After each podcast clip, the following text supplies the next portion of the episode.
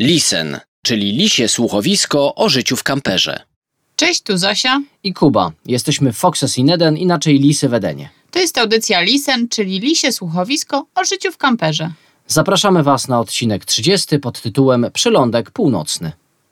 Łączymy się z Wami właśnie z Norwegii. Jesteśmy w drodze na Lofoty, ale nie o tym. Dzisiaj zabieramy Was na Nordkap, tak zwany ostateczny koniec Europy, północnej Europy.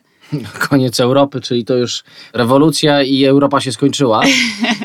No tak, właśnie teoretyczny koniec, czy teoretycznie najbardziej na północ wysunięty kraniec Europy kontynentalnej, bo jest parę haczyków, o których dzisiaj opowiemy, ale najpierw zaczniemy od tego, jak tam w ogóle dotarliśmy.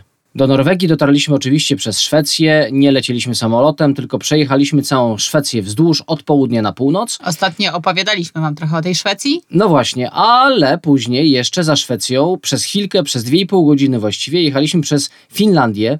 Ja mam jakiś taki sentyment do Finlandii, bo podobno miałem się w niej urodzić.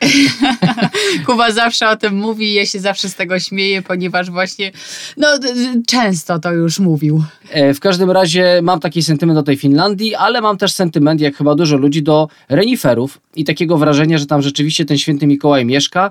No i mieliśmy też szczęście, że renifery na naszej drodze stanęły.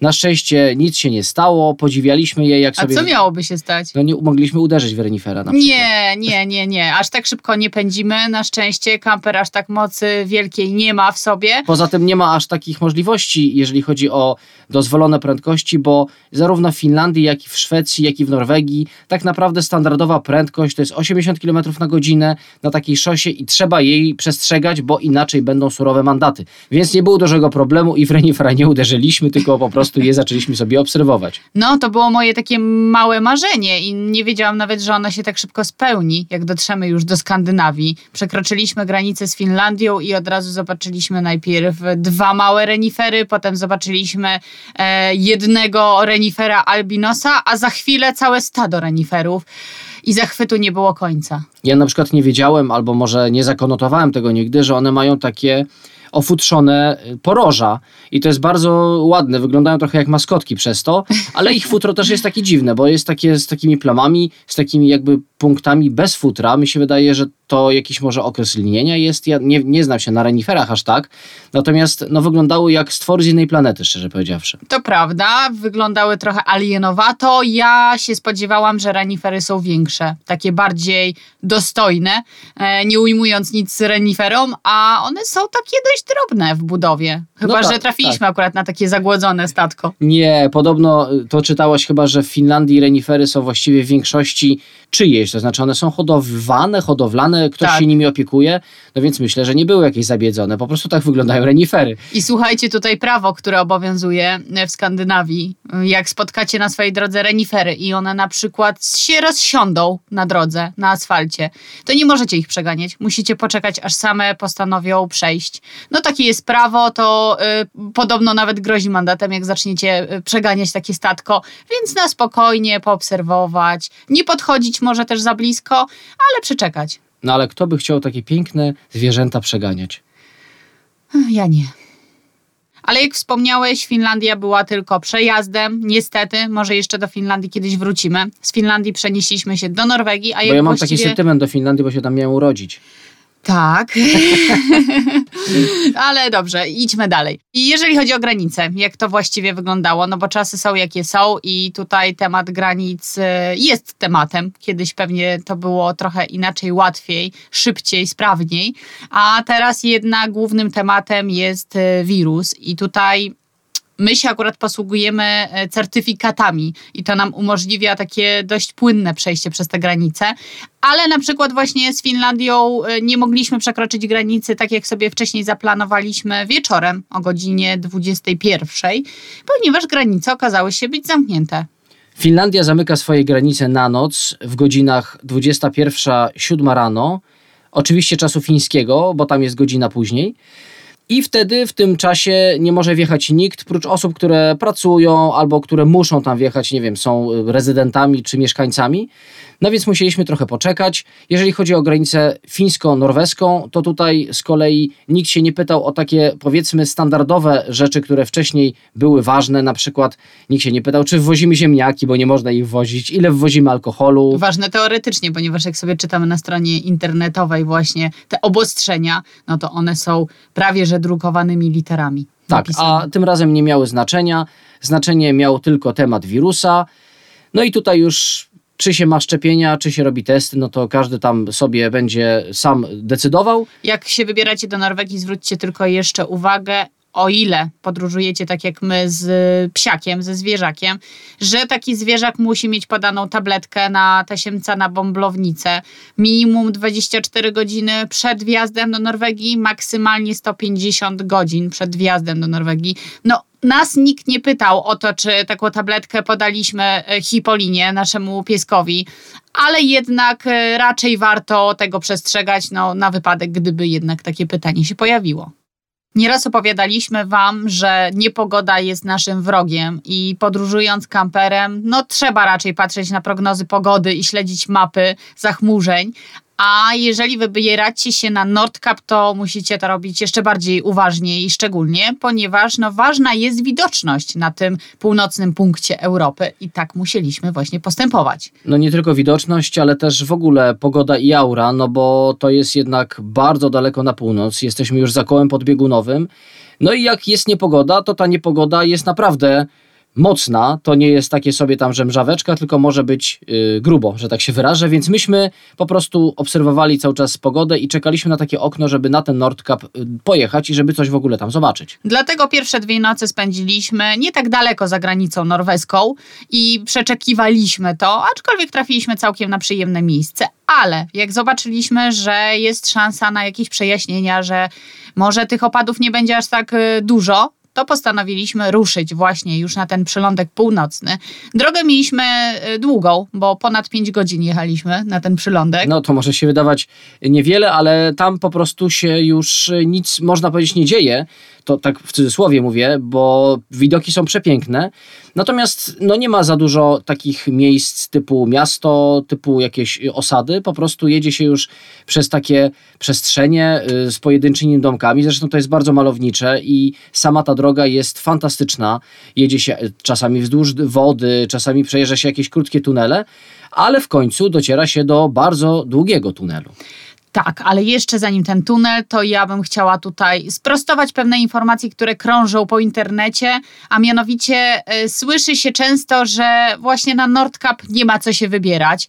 No ja uważam, że jest co się wybrać, ponieważ ta droga zapiera dech w piersiach i ja jak tylko zobaczyłam te wszystkie widoki za oknem, no szczerze się wzruszyłam i pomyślałam, że to jest właśnie ten moment, ta sytuacja, po którą przyjechaliśmy do tej Skandynawii.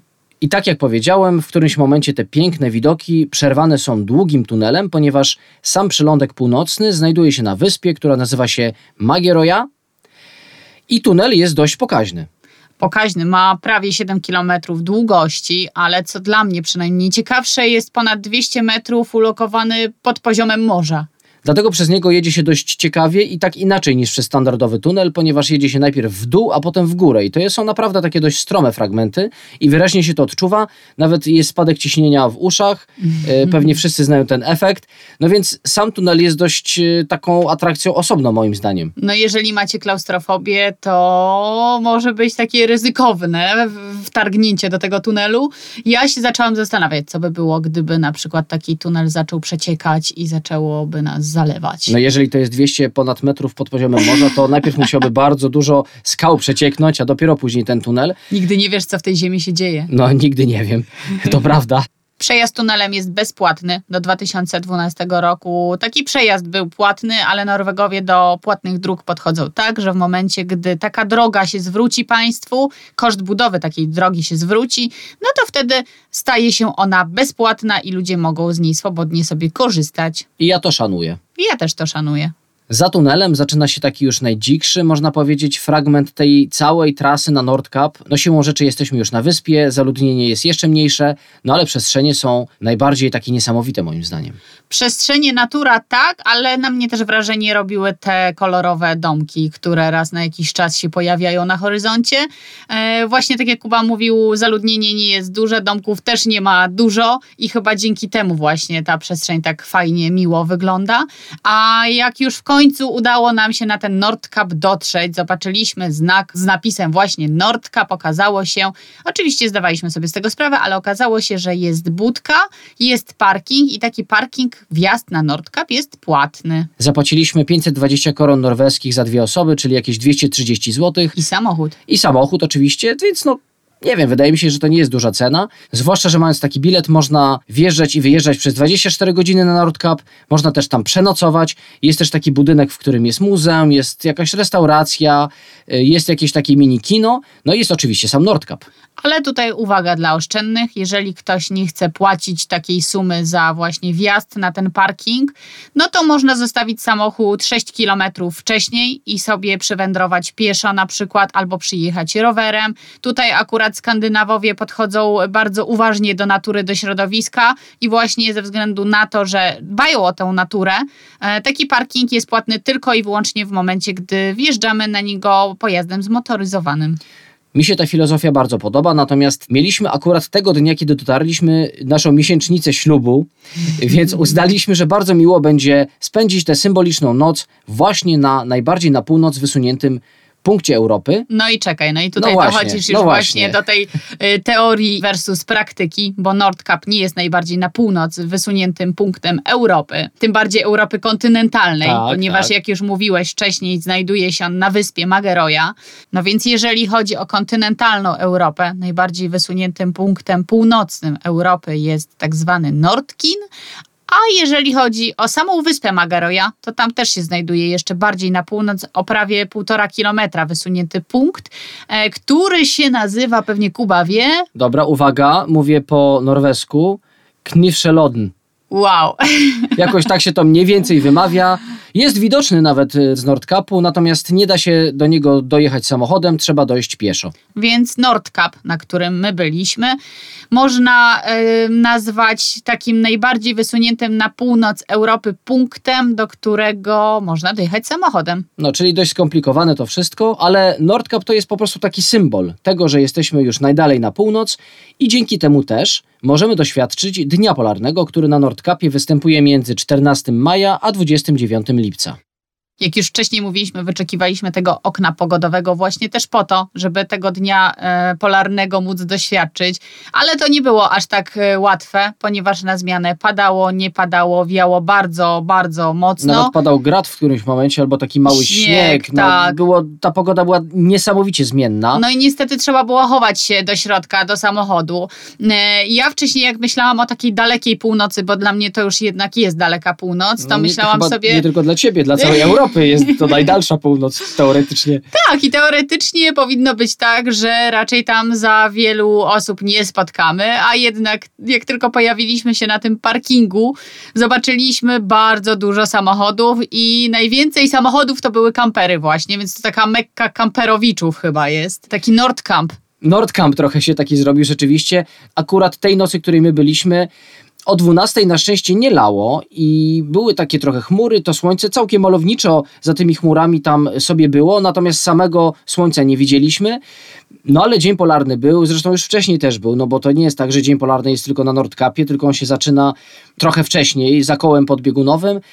No to jest dziwne wrażenie i sam, samo takie doświadczenie dnia polarnego jest dość ciekawe, bo nie jesteśmy do tego przyzwyczajeni. Jesteśmy przyzwyczajeni może do dłuższych dni w lecie trochę, ale jednak ta czarna noc następuje, a tutaj ona nie następuje w ogóle i niezależnie od pogody, nawet jak leje, to jest po prostu jasno. Ale to jest cudowne i myślę, że początkujący vanliferzy powinni wybrać się właśnie na północ w momencie, gdy taki dzień polarny występuje, bo wtedy nie ma problemów z lękiem. Nie następuje czarna otchłań i właśnie nie mamy takiego poczucia, że coś się wydarzy po zachodzie słońca. Na takim Cały- miejscu na dziko, tak? Na Na mówisz? takim miejscu, na dziko, tak. Cały czas jest y, jasno, przejrzyście, przyjemnie. A co do takich wątpliwości, czy na przykład da się spać, no bo też ludzie się zastanawiają, tak, czy w ogóle y, nie ma się takiej bezsenności przez to. Naszym zdaniem nie ma się takiej bezsenności. To znaczy, wystarczy zasłonić okna i jakoś tak organizm mimo wszystko w którymś momencie jest zmęczony, chociaż rzeczywiście jest bardziej taki y, energetyczny do późniejszych godzin wieczornych. Tak, myślę, że trzeba patrzeć na zegarek, bo jak nie patrzymy, to mamy poczucie takie wewnętrzne, że ciągle jest godzina na przykład 19, 20. Tak, no tak. i wtedy ten sen nie nadchodzi. Ale jak już sobie powiemy, która jest godzina, jak zasłonimy okna, no to sen sobie raz, sen. dwa, trzy przyjdzie. No i w końcu na tym Nordkapie właśnie zasłoniliśmy okna, sen nadszedł i postanowiliśmy, że całą noc prześpimy na Nordkapie, na tym parkingu, najdalszym parkingu, ale okazało się, że bardzo wieje, że bardzo samochodem buja. Kuba to nawet w pewnym momencie miał takie lęki, że nam panele solarne z dachu wyrwie. No bałem się, bo one są na takim relingu i moja głowa, moja wyobraźnia podpowiadała taki scenariusz, że zadziałają jak żagiel i po prostu oderwą się, mimo że są mocno przyczepione. No nie oderwały się, ale sen był bardzo niespokojny. Ja właśnie co chwilę się wybudzałam, miałam wrażenie, że coś się dzieje, że ktoś nam coś robi. Oczywiście tak trochę w półśnie, więc o godzinie czwartej nad ranem postanowiliśmy, że się trochę przejedziemy i przeparkujemy ten samochód właśnie na ten parking 6 km oddalony od Nordkapu. No i byliśmy w takiej niecce, więc tego wiatru było trochę mniej, co nie znaczy, że go w ogóle nie było, bo cały czas zawiewało, cały czas siąpił deszcz. Dużo osób nam mówiło, że na Nordkapie może być różnie i nawet niektórzy mówili, że to, co myśmy mieli, to jest całkiem niezła pogoda. Podobno. No, tak, bo jednak ta widoczność była. Ja widziałam zdjęcia osób, które nam wysyłały właśnie swój pobyt na Nordkapie i mieli mgłę, mieli takie mleko, no nie widzieli zupełnie nic poza czubkiem własnych butów. A pisałam też z chłopakiem, który, o, teraz się przyznaję przy A Kubie. to fajnie, dzięki. Mogłaś mi powiedzieć wcześniej, to bym coś więcej się dowiedział o Nordkapie.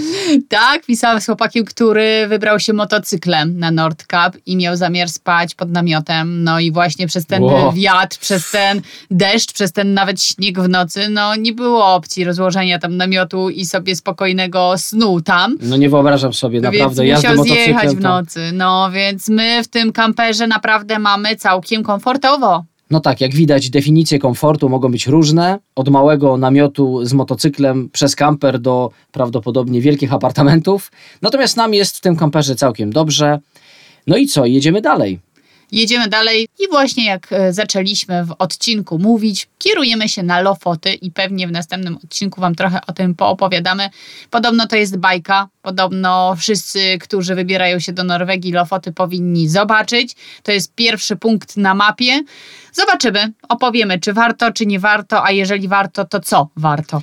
No i podobno też czeka nas całkiem niezły moment pogodowy, a propos tych całych okien pogodowych w Norwegii, bo ma być ponad 20 stopni. W słońcu, jej, w W końcu. słońcu? W cieniu. W słońcu to, to wiesz. No. Ale w słońcu spacery mają się odbywać. Aha, no tak, w- to nie powiedziałaś, że spacery, powiedziałeś, że w słońcu te temperatury. No w każdym razie ma być całkiem nieźle, więc mamy nadzieję, że będzie co opowiadać. Do usłyszenia przy kolejnej audycji. Cześć, cześć. Dzięki, że byliście z nami dzisiaj. Cześć.